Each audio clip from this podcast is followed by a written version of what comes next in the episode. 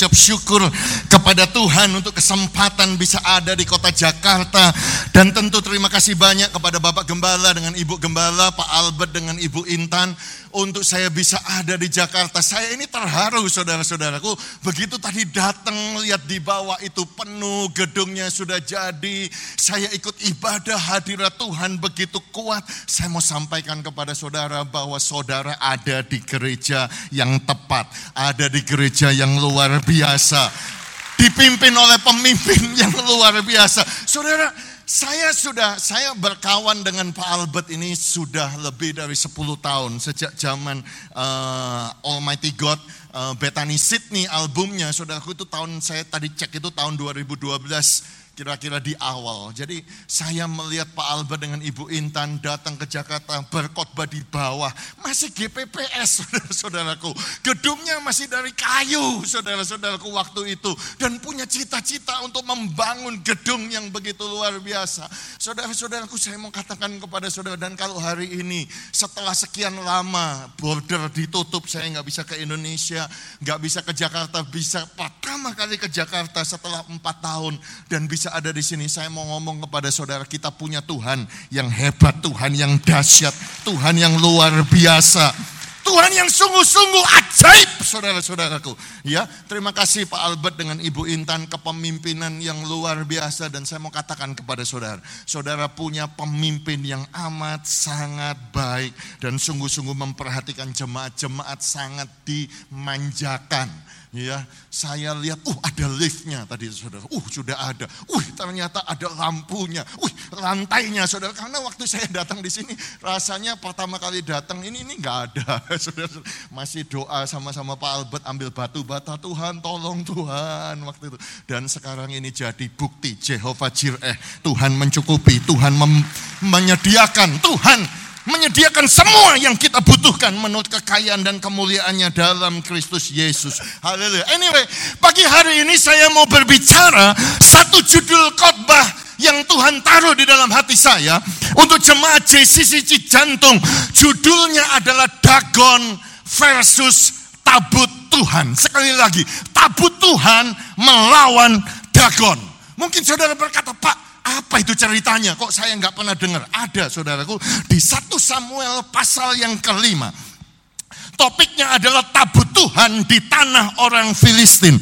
Dan kita akan membaca 12 ayat saudaraku. Dari ayat yang pertama sampai ayat yang ke-12. Dan kita mau berganti-gantian membacanya. Saya membaca ayat yang pertama, saudara ayat yang kedua. Saya ketiga, saudara semua ayat yang keempat. Ya, sampai ayat yang ke-12. Mulai ayat yang pertama. Sesudah orang Filistin merampas tabut Allah, maka mereka membawanya dari Eben Heser ke Asdod.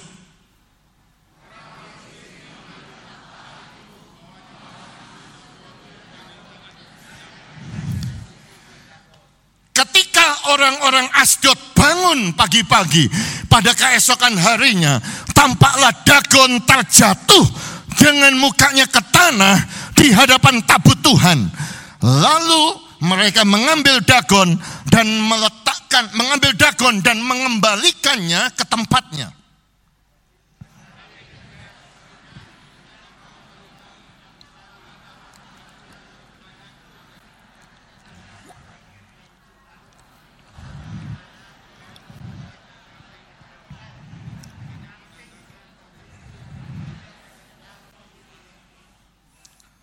Itulah sebabnya para imam Dagon dan semua orang yang masuk ke dalam kuil Dagon tidak menginjak ambang pintu rumah Dagon yang di Asdod sampai hari ini.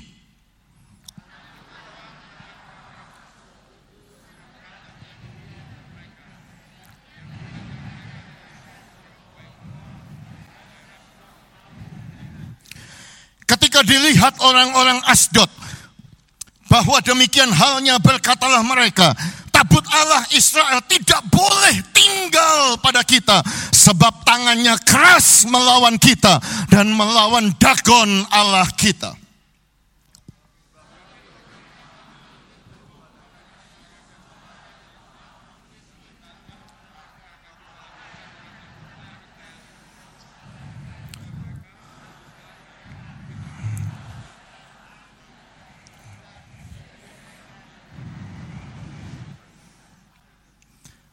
Tetapi setelah mereka memindahkannya, maka tangan Tuhan mendatangkan kegemparan yang sangat besar atas kota itu. Ia menghajar orang-orang kota itu, anak-anak dan orang dewasa, sehingga timbul borok-borok pada mereka.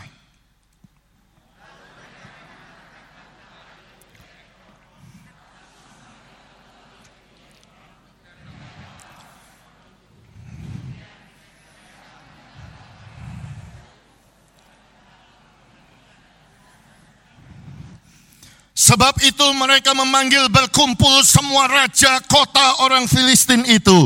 Dan berkata antarkanlah tabut Allah Israel itu. Biarkanlah itu kembali ke tempatnya. Supaya jangan dimatikannya kita dan bangsa kita. Sebab di seluruh kota itu ada kegemparan maut. Tangan Allah menekan orang-orang di sana dengan sangat berat.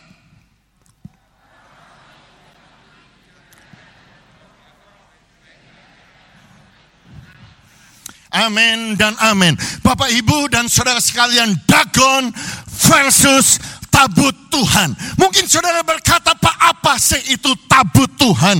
Bentuknya seperti apa? Nah, saya punya fotonya, saudara-saudaraku. Fotonya kalau saudara melihat adalah seperti ini. Tabut Tuhan itu sering kali disebut di Ark of Covenant. Seringkali disebut tabut perjanjian. Yaitu ada sebuah kotak, saudara-saudaraku, dilapis dengan emas murni. Kemudian di atasnya ada dua malaikat atau dua kerub, dua serubium.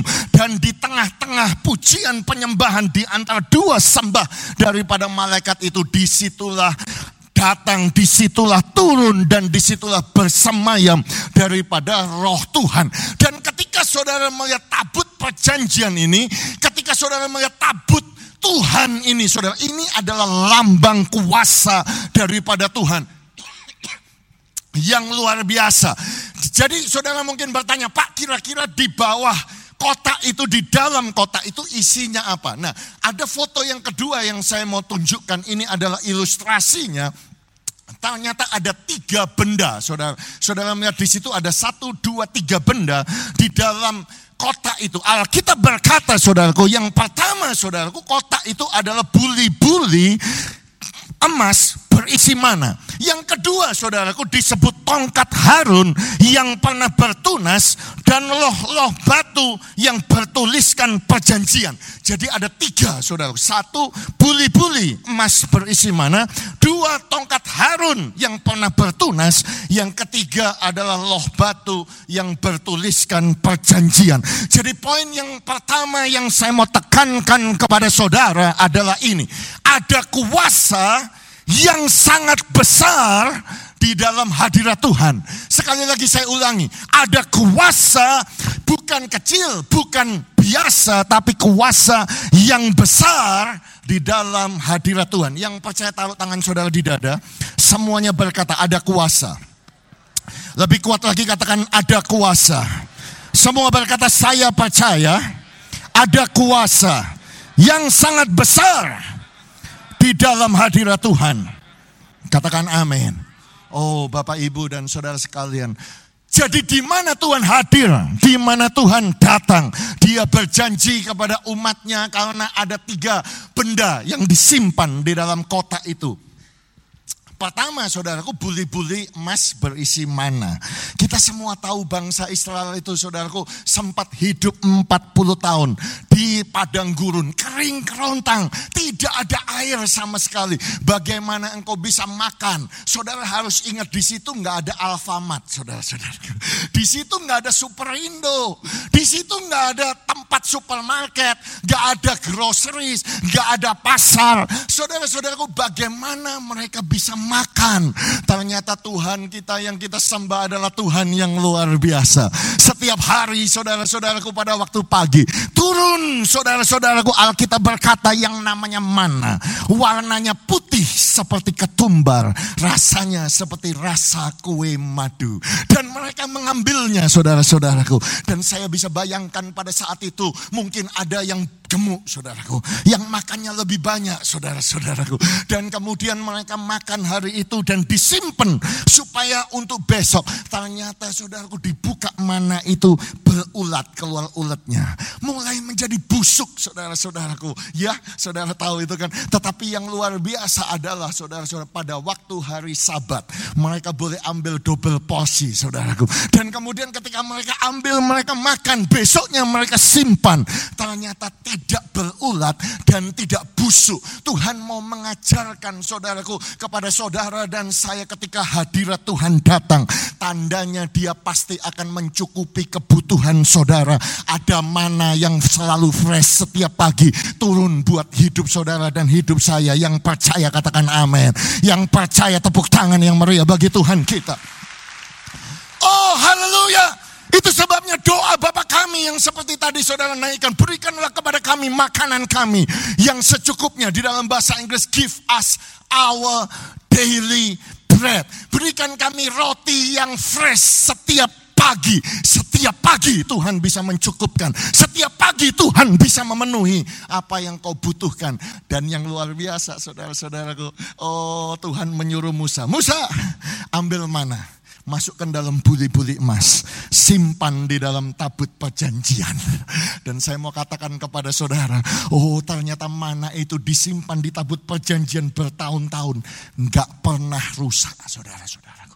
Nggak pernah keluar ulat, tidak pernah busuk, selalu fresh seperti roti yang keluar dari open, saudara-saudaraku.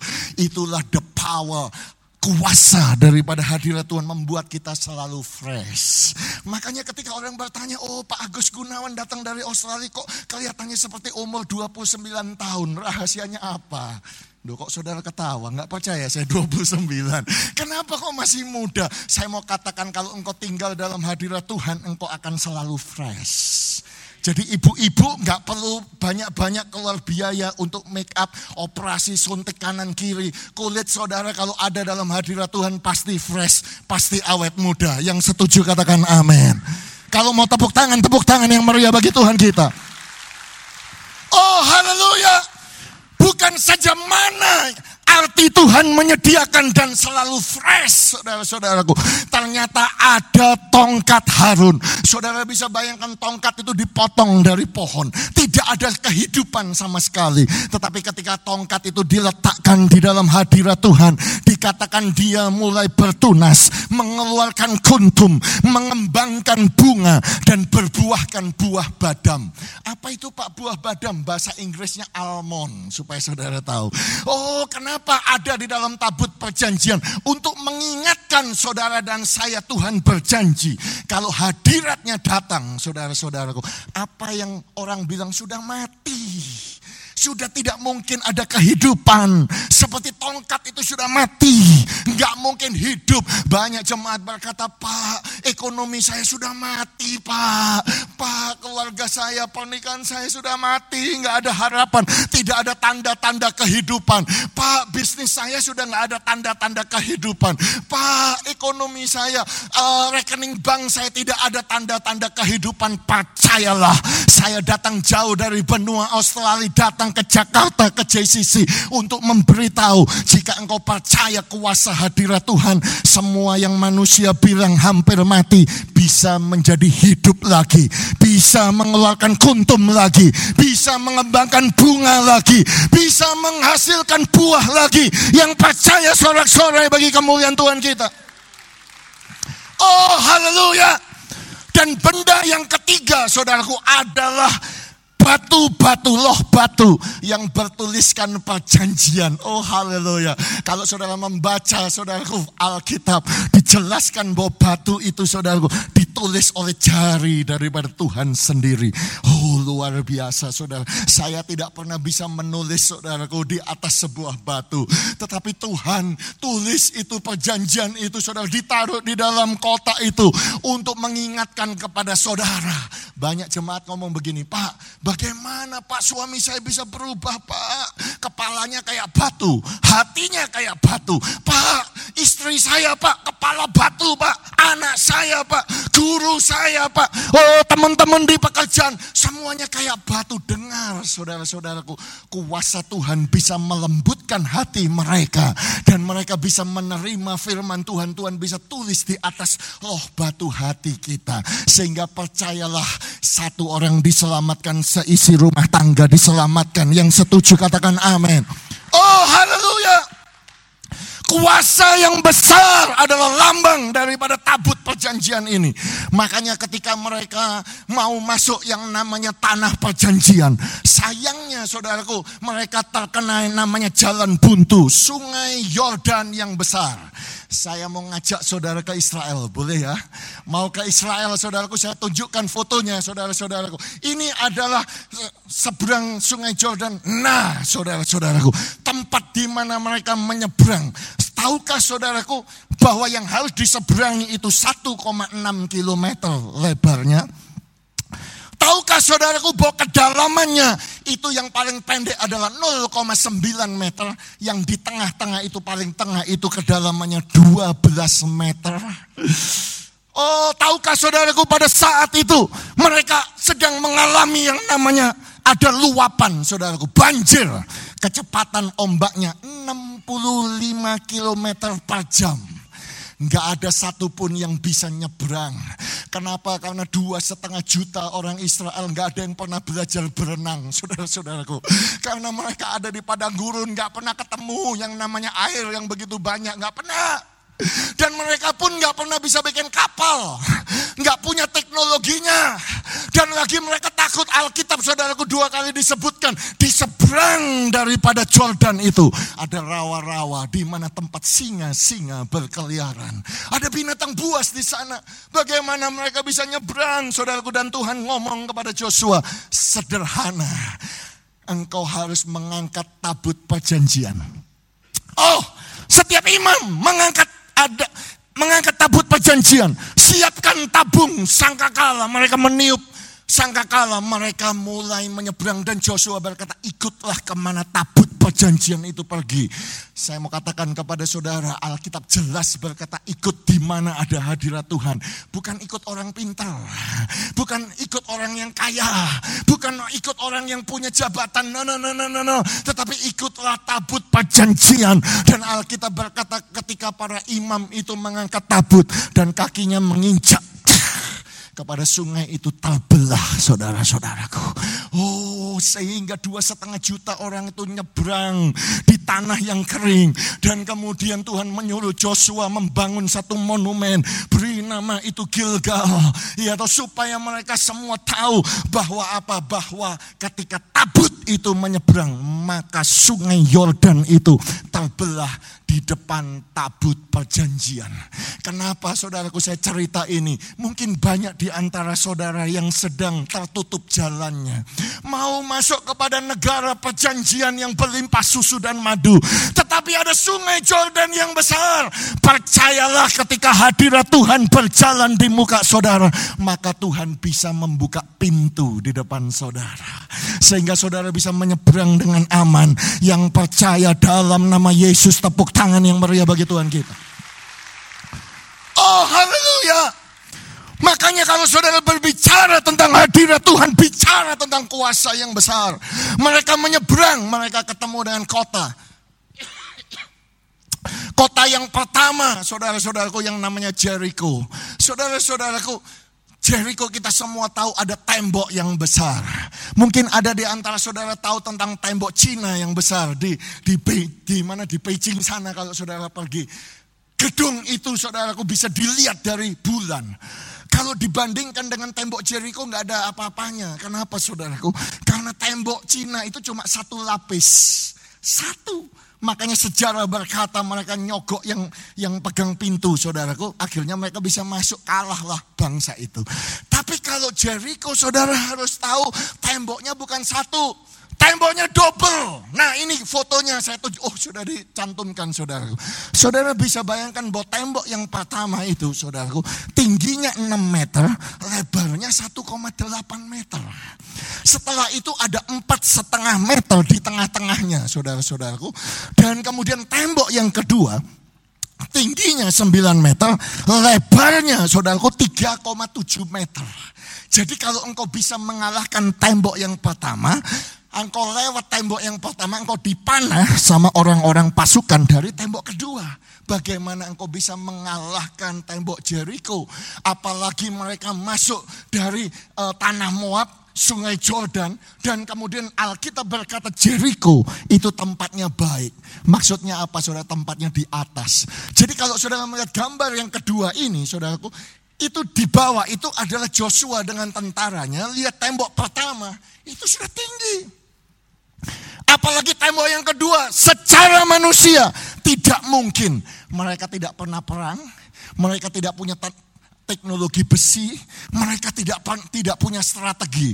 Bagaimana mereka bisa mengalahkan tembok Jericho? Tuhan cuma ngomong begini sama Joshua. Joshua, angkat tabut perjanjian pilih tujuh imam. Kemudian biar tabut itu mengelilingi kota Jericho. Dan Alkitab berkata tabut itulah yang mengelilingi, bukan bangsa Israel. Saudara baca di dalam Alkitab sendiri. Tabut itu yang mengelilingi satu kali satu hari. Oh besoknya satu kali lagi singkat cerita di hari yang ketujuh saudaraku. Mereka berputar tujuh kali dan tembok itu yang besar roboh sampai ke tanah. Kenapa saya cerita ini kepada saudara? Mungkin ada jemaat JCC hari ini pun berkata, Pak di depan saya ada tembok yang besar. Pak di depan saya ada Goliat yang besar. Semua berkata nggak mungkin, nggak bisa. Tembok Jericho pun orang bilang nggak mungkin, nggak bisa. Tetapi kuasa hadirat Tuhan ada di tempat ini, ada menyertai saudara. Dan saya mau menyatakan dalam nama Yesus tembok-tembok yang ada dalam hidup saudara roboh dalam nama Yesus hancur dalam nama Yesus. Oh haleluya. Makanya setiap kali tabut itu dibawa, saudara baca di dalam Alkitab mereka menang perang. Mereka berperang selama 56 tahun menaklukkan 31 kerajaan, saudara-saudaraku. Bagaimana mereka bisa menang? Senjatanya apa? Tabut perjanjian. Dan ketika mereka membawa tabut perjanjian, mereka bukan menang satu lawan satu. Mereka bukan menang satu lawan sepuluh, bukan. Bukan menang satu lawan seribu, satu lawan belaksa-laksa, saudaraku. Makanya itu yang disebut lebih daripada pemenang. JCC percayalah, Alkitab berkata di dalam dia, Yesus Kristus, engkau dan saya akan keluar. Bukan sekedar menang pas-pasan, tetapi kita akan menang besar-besaran lebih daripada pemenang. Dan tepuk tangan yang meriah bagi Tuhan untuk orang-orang yang lebih daripada pemenang. Haleluya. Oh haleluya. Tetapi persoalannya adalah kalau Pak, kalau Bapak berkata ada kuasa yang besar, ada mana turun, ada kehidupan, tongkat yang mati hidup. Oh luar biasa Pak. Tapi kenapa kok di dalam cerita yang Bapak buat itu, ternyata kok kalah bangsa Israel. Bangsa Israel kok kalah tabut, perjanjian direbut. Makanya saya berkata kepada saudara, Ketika mujizat tidak terjadi itu bukan berarti salahnya Tuhan. Mungkin poin yang kedua ini saya bisa titip kepada saudara. Jangan mempermainkan. Jangan meremehkan hadirat Tuhan. Tetapi hormatilah Tuhan. Sekali lagi saya katakan jangan mempermainkan hadirat Tuhan. Taruh tangan saudara di dada sambil berkata jangan mempermainkan. Ayo semuanya berkata jangan meremehkan tetapi saya mau menghormati Tuhan. Katakan amin. Jadi teks yang kita baca ini dikatakan sesudah orang Filistin merampas tabut Allah, mereka membawanya dari Ebenezer ke Asdod. Oh Tuhan Yesus, Ebenezer itu artinya apa? Sampai hari ini Tuhan menolong kita.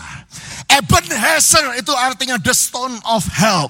Artinya until now the Lord has helped us. Bayangkan saudara, mereka perang dari Ebenezer yang artinya Tuhan menolong, mereka kalah, direbut sampai ke Asdod. Yang artinya saudaraku Asdod itu adalah benteng daripada musuh. Lu kok bisa? Ya salahnya bangsa Israel sendiri. Karena mereka mempermainkan hadirat Tuhan. Kenapa saudara? Karena pada saat itu bait Allah itu dipimpin saudaraku oleh Imam Eli. Dan Imam Eli ini bukan orang yang rohani. Apalagi anak-anaknya. Dikatakan adapun anak-anak lelaki Eli adalah orang-orang dulsila. Mereka tidak mengindahkan Tuhan. Dulsila. Saudara-saudaraku bahasa Inggrisnya adalah scoundrels. Saya buka di kamus bahasa Indonesia.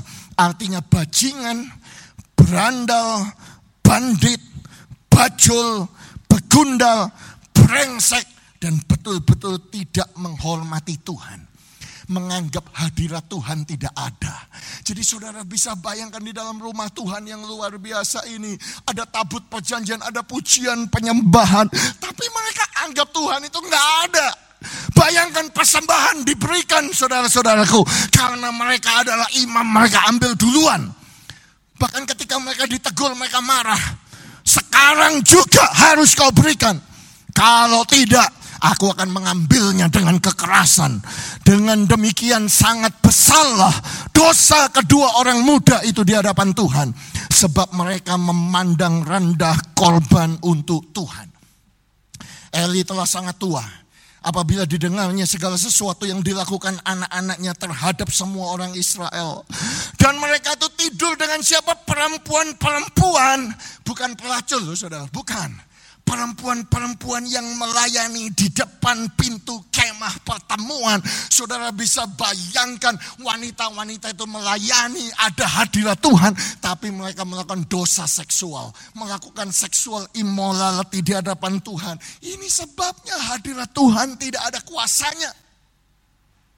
Oh ini adalah perintah, ini adalah sesuatu teguran yang keras kepada kita semua. Makanya ketika mereka perang saudaraku, mereka kalah yang pertama di Ebenezer kalah 4000 orang mati di medan pertempuran. Ketika tentara itu kembali ke perkemahan berkatalah para tua-tua Israel. Mengapa Tuhan membuat kita terpukul kalah oleh orang Filistin pada hari ini? Mari kita mengambil dari silo tabut perjanjian Tuhan supaya ia datang ke tengah-tengah kita dan melepaskan kita dari tangan musuh kita. Jadi saudaraku mereka mulai mengambil tabut perjanjian. Kemudian bangsa itu menyuruh orang ke Silo mereka mengangkat dari sana tabut perjanjian Tuhan semesta alam yang bersemayam di antara para kerub di atas kerub itu tadi saudaraku. Kedua anak Eli, Hofni dan Pineas ada di sana dekat tabut perjanjian Allah itu. Segera sesudah tabut perjanjian Tuhan sampai ke perkemahan. Bersoraklah seluruh orang Israel dengan nyaring. Sehingga bumi gemetar. Dan orang Filistin mendengar bunyi sorak itu dan berkata apa bunyi sorak yang nyaring di perkemahan orang Ibrani itu. Ketika diketahui mereka bahwa tabut Tuhan telah sampai ke perkemahan itu. Saudaraku, ini loh yang terjadi saudara. Ini musuh yang ngomongnya di ayat yang ketujuh ketakutanlah orang Filistin. Sebab kata mereka, Allah mereka telah datang ke perkemahan itu. Dan mereka berkata, celaka kita, celaka. Sebab siap, sebab seperti ini belum pernah terjadi dahulu. Celakalah kita. Siapa yang bisa menolong kita dari tangan Allah yang maha dahsyat ini? Inilah juga Allah yang telah menghajar orang Mesir dengan berbagai-bagai tulah di padang gurun. Bapak Ibu dan Saudara sekalian, jadi musuh itu percaya bahwa semua yang terjadi di padang gurun dan mengalahkan bangsa Mesir itu Tuhan. Jadi kalau bangsa Israel, kalau saudara dan saya nggak percaya itu ya kebacut. Saudara ke orang Jawa ngomong. Itu sebabnya saya katakan kepada saudara, kita punya Tuhan yang besar. Kalau saudara mau tepuk tangan, tepuk tangan yang meriah bagi Tuhan kita. Oh Tuhan yang besar. Jadi bangsa Filistin celaka, celaka. Dan kemudian ini yang bikin saya kaget. Ini kaget saya. Karena yang ngomong ini bukan orang Israel. Ini yang ngomong adalah musuh, saudara. Musuh yang tidak percaya kepada Tuhan. Kuatkanlah dan teguhkanlah hatimu. Berlakulah seperti laki-laki. Hai orang Filistin, supaya kamu jangan menjadi budak orang Ibrani itu. Seperti mereka dahulu menjadi budakmu, berlakulah seperti laki-laki Dan berperanglah. Waktu saya baca ayat itu saya kaget saudara. Karena berlaku seperti laki-laki. Itu saya pikir itu itu datang dari mana? Itu datang dari Rasul Paulus. Karena Paulus berkata, bersikaplah seperti laki-laki dan janganlah kuat. Dia khotbah itu di 1 Korintus pasal 16 ayat yang ke-13. Makanya saudaraku setiap Father's Day atau setiap kali saya diundang berkhotbah kepada para pria, saya suka pakai judul Act Like Man berlakulah seperti laki-laki. Karena apa? Karena belum tentu engkau lahir laki-laki, engkau bisa bersikap seperti laki-laki. Dan bukankah itu yang dipesankan kepada Raja Daud kepada Salomo sebelum dia meninggal di satu Raja-Raja pasal 2 Daud ngomong begini sama Salomo aku akan menempuh segala jalan yang fana kuatkanlah hatimu berlakulah seperti laki-laki Wuh jadi ternyata orang, ternyata Daud itu jangan-jangan Daud itu mengutip apa yang diucapkan oleh bangsa Filistin. Ternyata Rasul Paulus itu mengutip apa yang diucapkan oleh bangsa Filistin. Berlakulah seperti laki-laki.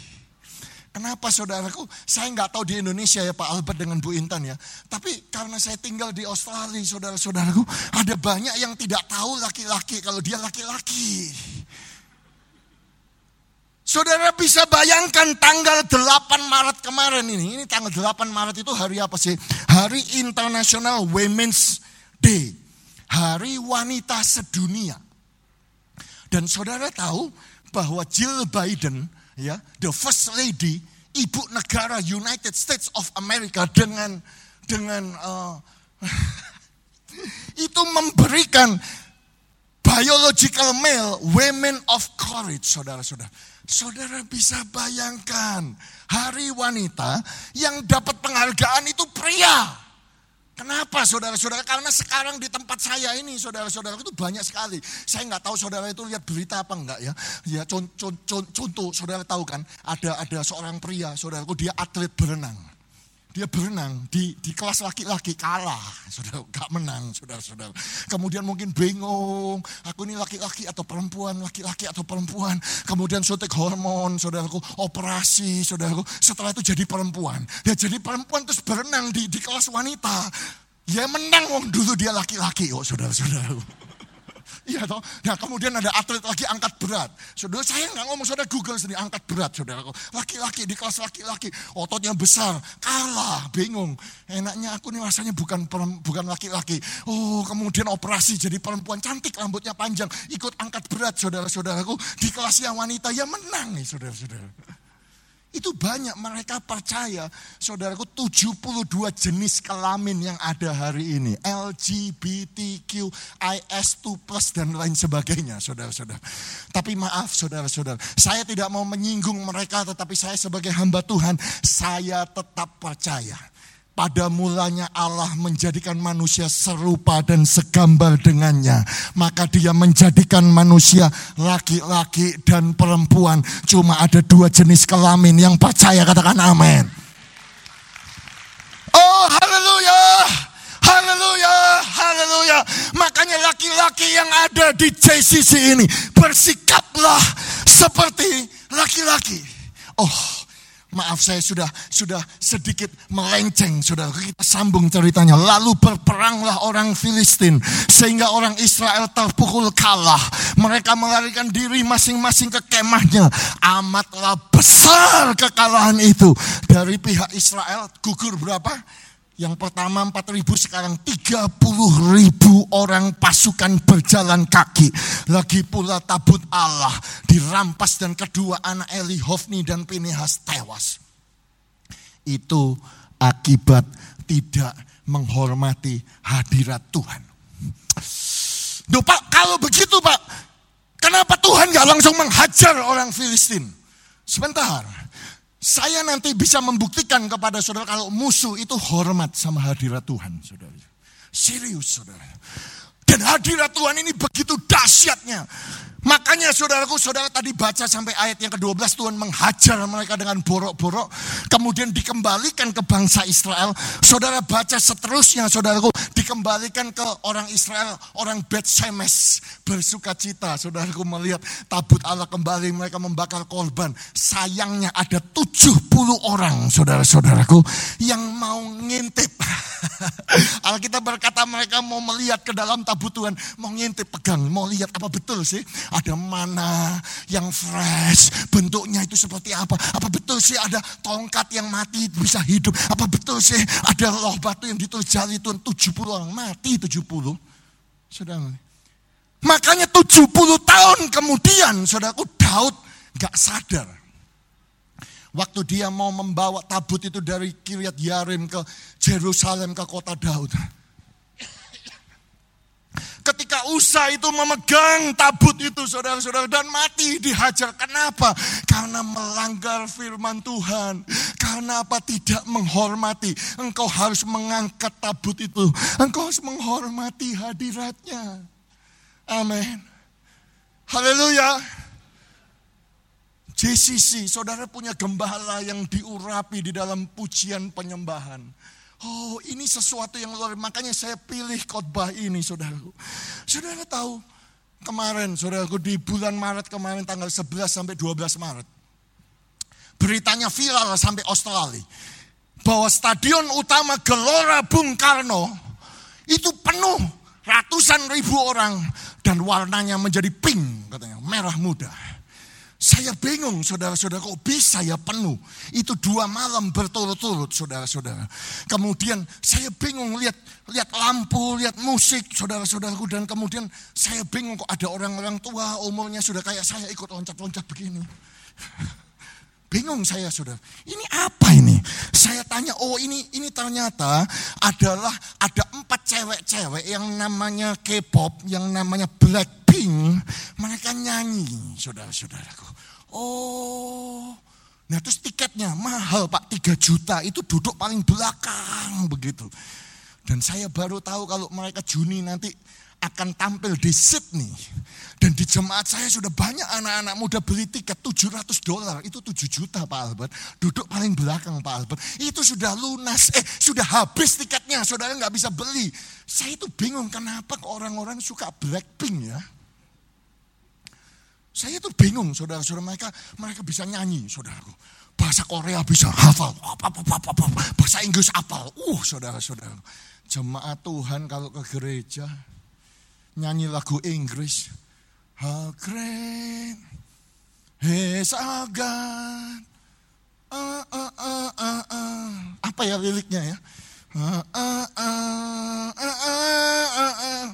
How great. Oh, how great. Iya. Saudara tahu mereka konser itu jam-jaman. Mereka antri masuk stadion. Saudara tahu kalau di Sydney saya diceritain. Ternyata setelah saya selidiki banyak jemaat saudara-saudaraku. Mereka bahkan camping karena mereka beli tiket yang paling murah. Supaya bisa masuk ke dalam konsernya. Bisa paling depan dekat saudaraku. Mereka antri di sana.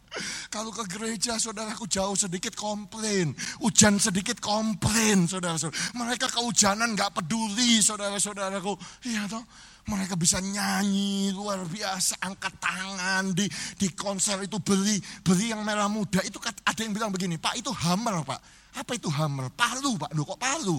Iya warnanya pink itu di di Jakarta dijual harganya 800 ribu sampai satu setengah juta. Habis merchandise-nya. Wih, saya bilang begitu ya, luar biasa. Mereka nyanyi, angkat tangan sambil nangis-nangis begitu. Saya bingung loh. Ngapain kamu nangis sama Blackpink, saudaraku? Long Blackpink itu nggak mati buat engkau kalau engkau mau nangis, kau bersyukur. Itu karena Yesus Kristus Tuhan yang mati buat hidup saudara dan hidup saya. Haleluya. Haleluya. Mereka menghormati hadirat, oh, hadirat Blackpink itu dihormati betul.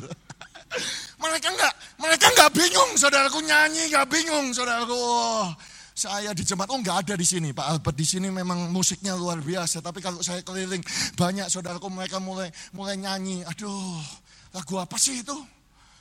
Ryan kalau mimpin pujian sama Feren itu, aduh. Salah toh itu kinya itu itu. Komplain saudara-saudara. Nyanyi suang ke tangan.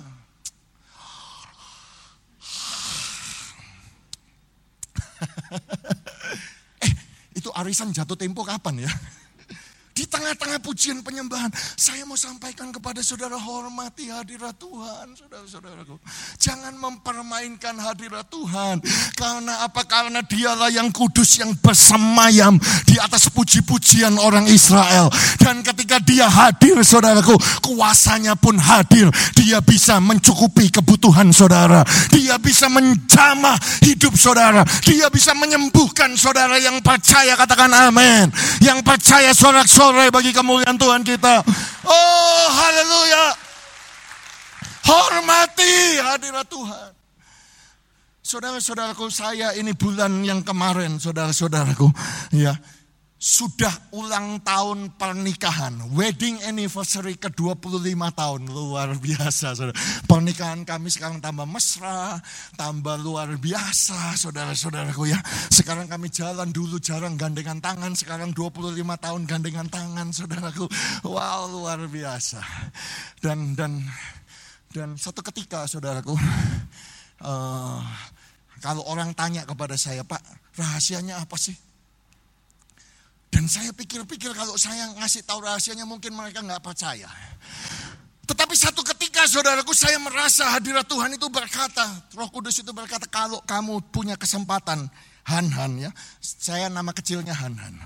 Dan kalau kamu punya kesempatan pulang ke 25 tahun dan ketemu Han-Han usia 25 tahun yang lampau. Kira-kira pesan yang kamu berikan kepada dirimu sendiri 25 tahun yang lampau itu apa? Hati saya menyala-nyala. Wah Tuhan luar biasa. Kalau seandainya ada mesin waktu nih, saya bisa pulang ke usia 25 tahun yang lampau. Oh, saya akan ngomong kepada diri saya. Karena saya sudah tahu apa yang harus saya katakan kepada diri saya sendiri. Han Han. Kenalkan ya, ini Han Han 25 tahun kemudian. Aku datang dari masa depan. Dengarkan ya pesan yang paling penting. 25 tahun kemudian ini aku datang pesan yang paling penting Han, mumpung kamu masih muda ya Han, rajin-rajinlah pakai hair tonic. Kalau enggak 25 tahun kemudian rambutmu. Apa kira-kira saya ngomong begitu, Saudara? No. No. Saya mau katakan kepada saudara, kalau saya dikasih waktu sama Tuhan dan kembali ke saya yang masih muda, saya akan ngomong kepada saya yang mudahan. Kuncinya cuma satu, hormati hadirat Tuhan lebih lagi dalam hidupmu. Hormati Tuhan di dalam keuanganmu, hormati Tuhan di dalam keluargamu.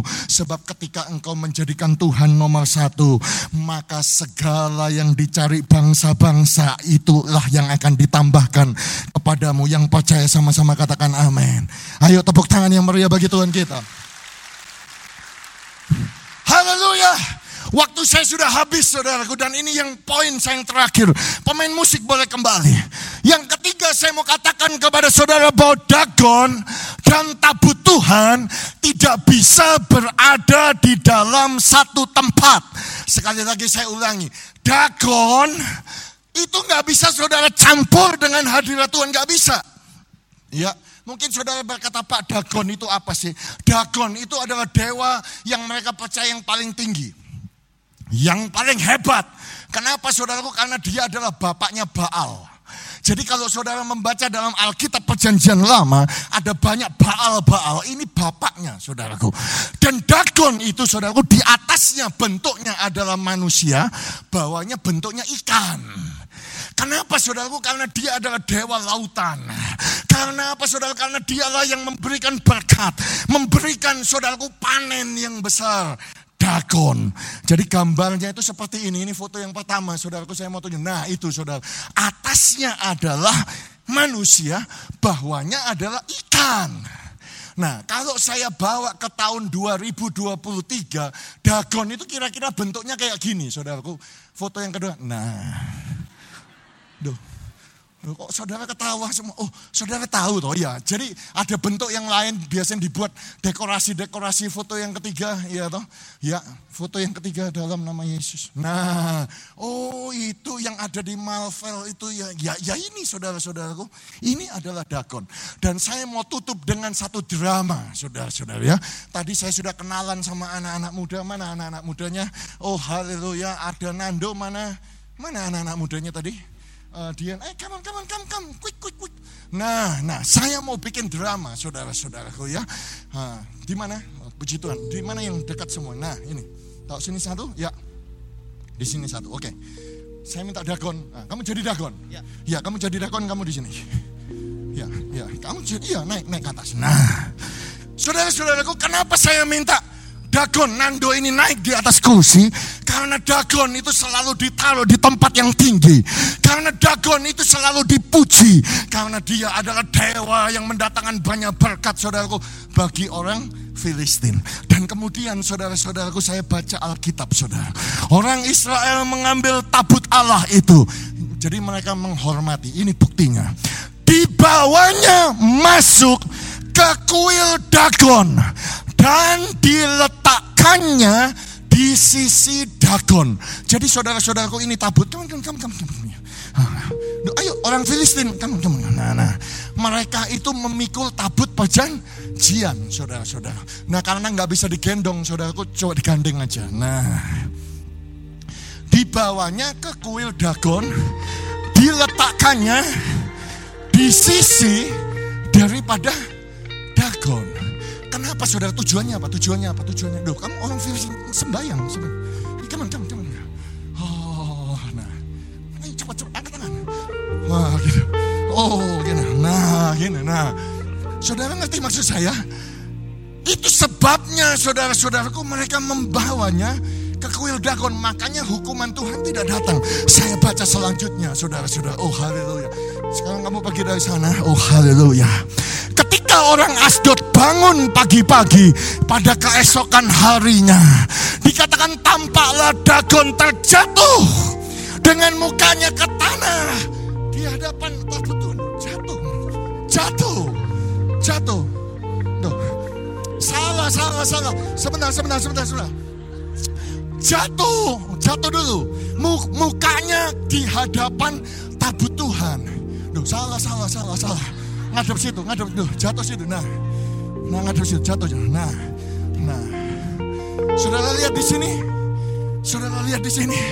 Saya mau katakan kepada saudara JCC, kita punya Tuhan yang besar. Hadapannya tidak ada kuasa yang lebih besar. Itu sebabnya semua kuasa harus jatuh di bawah kakinya. Saya mau mengatakan setiap kuasa kegelapan, setiap roh-roh jahat, setiap pelenggu-pelenggu, apa penghulu-penghulu di udara, semuanya harus jatuh menyembah Tuhan kita yang ajaib, Tuhan kita yang luar biasa. Oh, haleluya. Sebab kita punya Tuhan yang namanya Yesus Kristus Tuhan. Yang walaupun dalam kesetaranya dengan Allah tidak menganggap kesetaraan itu sebagai milik yang harus dipertahankan. Melainkan dia telah mengosongkan dirinya dia mengambil lupa seorang hamba. Dia merendahkan dirinya. Dan dalam keadaan sebagai manusia dia taat sampai mati. Bahkan mati di atas kayu salib. Itulah sebabnya setiap lutut harus bertelut. Segala yang ada di bawah kolong langit ini di bawah muka bumi ini semuanya harus bertelut dan semua lidah harus mengaku Yesus Kristus adalah Tuhan. Bagi kemuliaan Allah Bapa itu sebabnya dia memberikan nama di atas segala nama. Saya mau katakan kepada saudara, kanker punya lutut. Sekali lagi saya katakan tumor itu punya nama.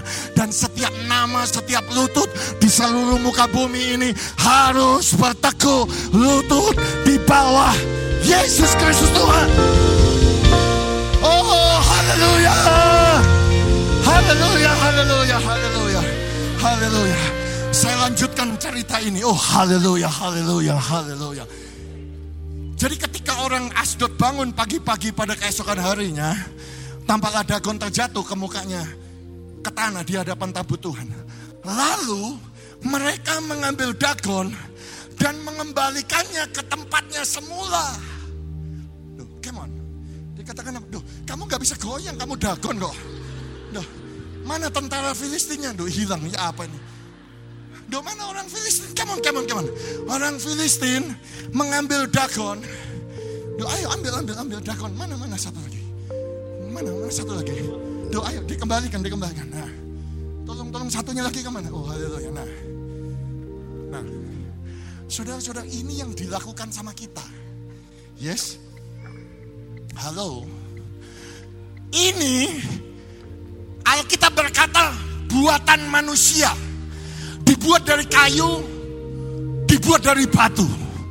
Ini gak bisa mendengar, gak bisa melihat, gak bisa makan, gak bisa mencium.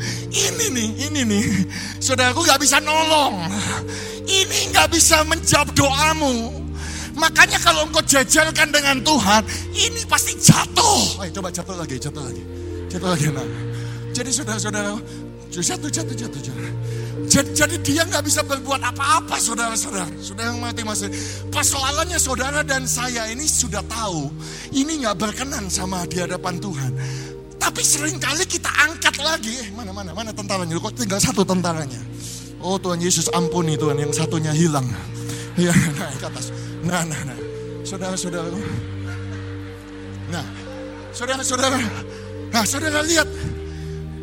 Makanya saya berkata kepada saudara, persoalannya ini punya kuasa, ini ajaib, ini dahsyat. Saudara-saudara, ini dahsyat. Gak perlu saudara bantu, dia bisa buat sesuatu yang dahsyat. Tapi Pak, kenapa Tuhan gak tolong saya? Ya karena kau gak menghormati ini. Musuh tahu, makanya dibawa ke kuil, ditaruh di tempat yang paling baik disembah. Tapi persoalannya nggak bisa dijejerkan dengan dagon. Karena Tuhan kita adalah Allah yang cemburu saudara-saudaraku. Dia cuma mau di dalam hidup saudara cuma satu. Dia tok nggak bisa ini saudara-saudara. Makanya saya nggak tahu ini ini dagon dalam hidup saudara apa saya nggak tahu. Ada yang bilang ini K-pop saudara-saudara. Padahal nggak punya tampang saudara-saudara. Ya, saya nggak tahu saudaraku ini apa saudara-saudaraku. Iya toh. Tetapi saudara-saudaraku, kita sering kali sudah tahu dia jatuh, kita kembalikan. Dengan Alkitab ayat yang keempat. Tetapi ketika keesokan harinya mereka bangun pagi-pagi, tampaklah Dagon terjatuh dengan mukanya ke tanah di hadapan tabut Tuhan. Dan kepala Dagon dan kedua belah tangannya terpenggal, terpelanting ke ambang pintu. Hanya badan Dagon itu saja yang masih tinggal kepalanya do jatuh dulu, jatuh dulu, jatuh dulu. Nah, saudara-saudaraku, saya cari gambarnya di dalam Google nggak ketemu. Saya cuma ketemu gambar modelnya begini, saudara-saudaraku. Nah, gambar ini sebetulnya keliru gambar dalam nama Yesus. Nah, masih ada kepalanya itu salah, saudaraku. Masih ada tangannya. Jadi kepalanya sama tangannya udah terpeng, terpencar jauh, saudaraku. Ya, harusnya kalau saudara dan saya tahu nih, ini gak berkuasa. Sudah-sudah jangan saudara. Kalau saya jadi orang Filistin, ini tak buang saudara-saudara. Ya toh? Ini saya buang, ini yang saya tinggikan saudara. Tapi enggak ya. Orang Filistin gak begitu saudara. Saya gak ngerti kenapa. Orang Filistin datang datang sini. Ya toh, ya. Ya kamu kamu ke pintu sana ambil kepalanya. So, kamu gak bisa goyang kamu. Kamu dagon buatan manusia, tidak bisa mendengar, tidak bisa. Kamu ke sana ambil tangannya, pura-pura ambil tangan, kamu pura-pura ambil kepalanya. Seringkali kita begitu, saudara-saudaraku. Nah, sudah dapat kembali, kembali cepat, cepat, cepat. Kembali cepat, cepat. Haleluya.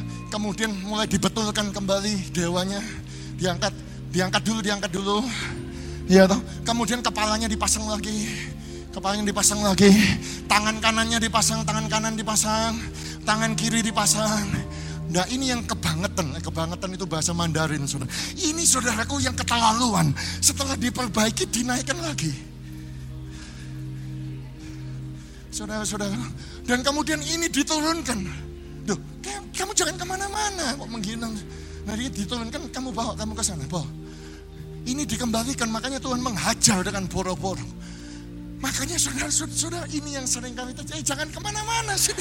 Aduh Tuhan Yesus. Jangan ke mana-mana di sini. Di sini.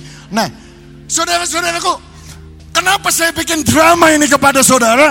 Karena sering kali saudaraku kita sering kali ngalahkan yang ini. Kita selalu taruh ini lebih tinggi dalam kehidupan kita. Tetapi hari ini berapa banyak di antara saudara yang mau mengambil keputusan Tuhan. Aku mau turunkan Dagon. Kamu berdua sini, sebentar kamu tabut sana. Gak bisa kamu turunkan Dagon. Berapa banyak yang mau berkata, aku turunkan Dagon, hancurkan Dagon, buang Dagon. Dan kemudian angkat tabut perjanjian. Kemudian taruh tabut perjanjian tinggi di dalam kehidupan kita. Dan kita berkata, hanya Tuhan satu-satunya yang layak dipuji. Kalau saudara mau bangkit berdiri bersama-sama. Mari sorak-sorak bagi dia. Oh, Tiada seperti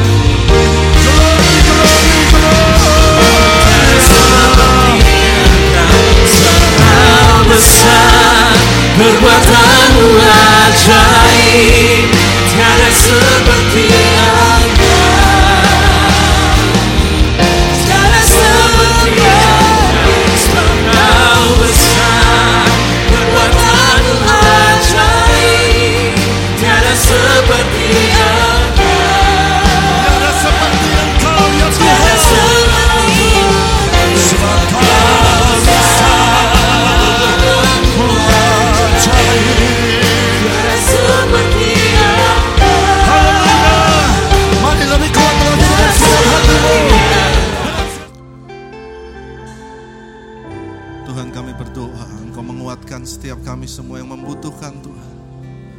biarlah kuasa yang sama juga terjadi dalam kehidupan kami Tuhan.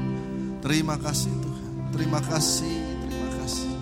Terima kasih Tuhan. Terima kasih Tuhan. Terima kasih ya Tuhan. Terima kasih. Terima kasih Tuhan. Kami percaya dalam kuasa hadiratmu. Kami beroleh pemulihan Dalam kuasa hadiratmu. Ada kesembuhan Dalam kuasa hadiratmu. Kami beroleh pertolongan pada hari ini. Terima kasih Tuhan. Terima kasih Tuhan. Terima kasih Tuhan. Kami memberkati Pendeta Agus Gunawan yang terbang dari Australia untuk melayani gerejamu di tempat ini. Engkau memberkati Tuhan. Berkati keluarganya, jemaat yang dipimpinnya di Sydney, Australia. Engkau memberkati Tuhan. Engkau lihat setiap jerih payahnya.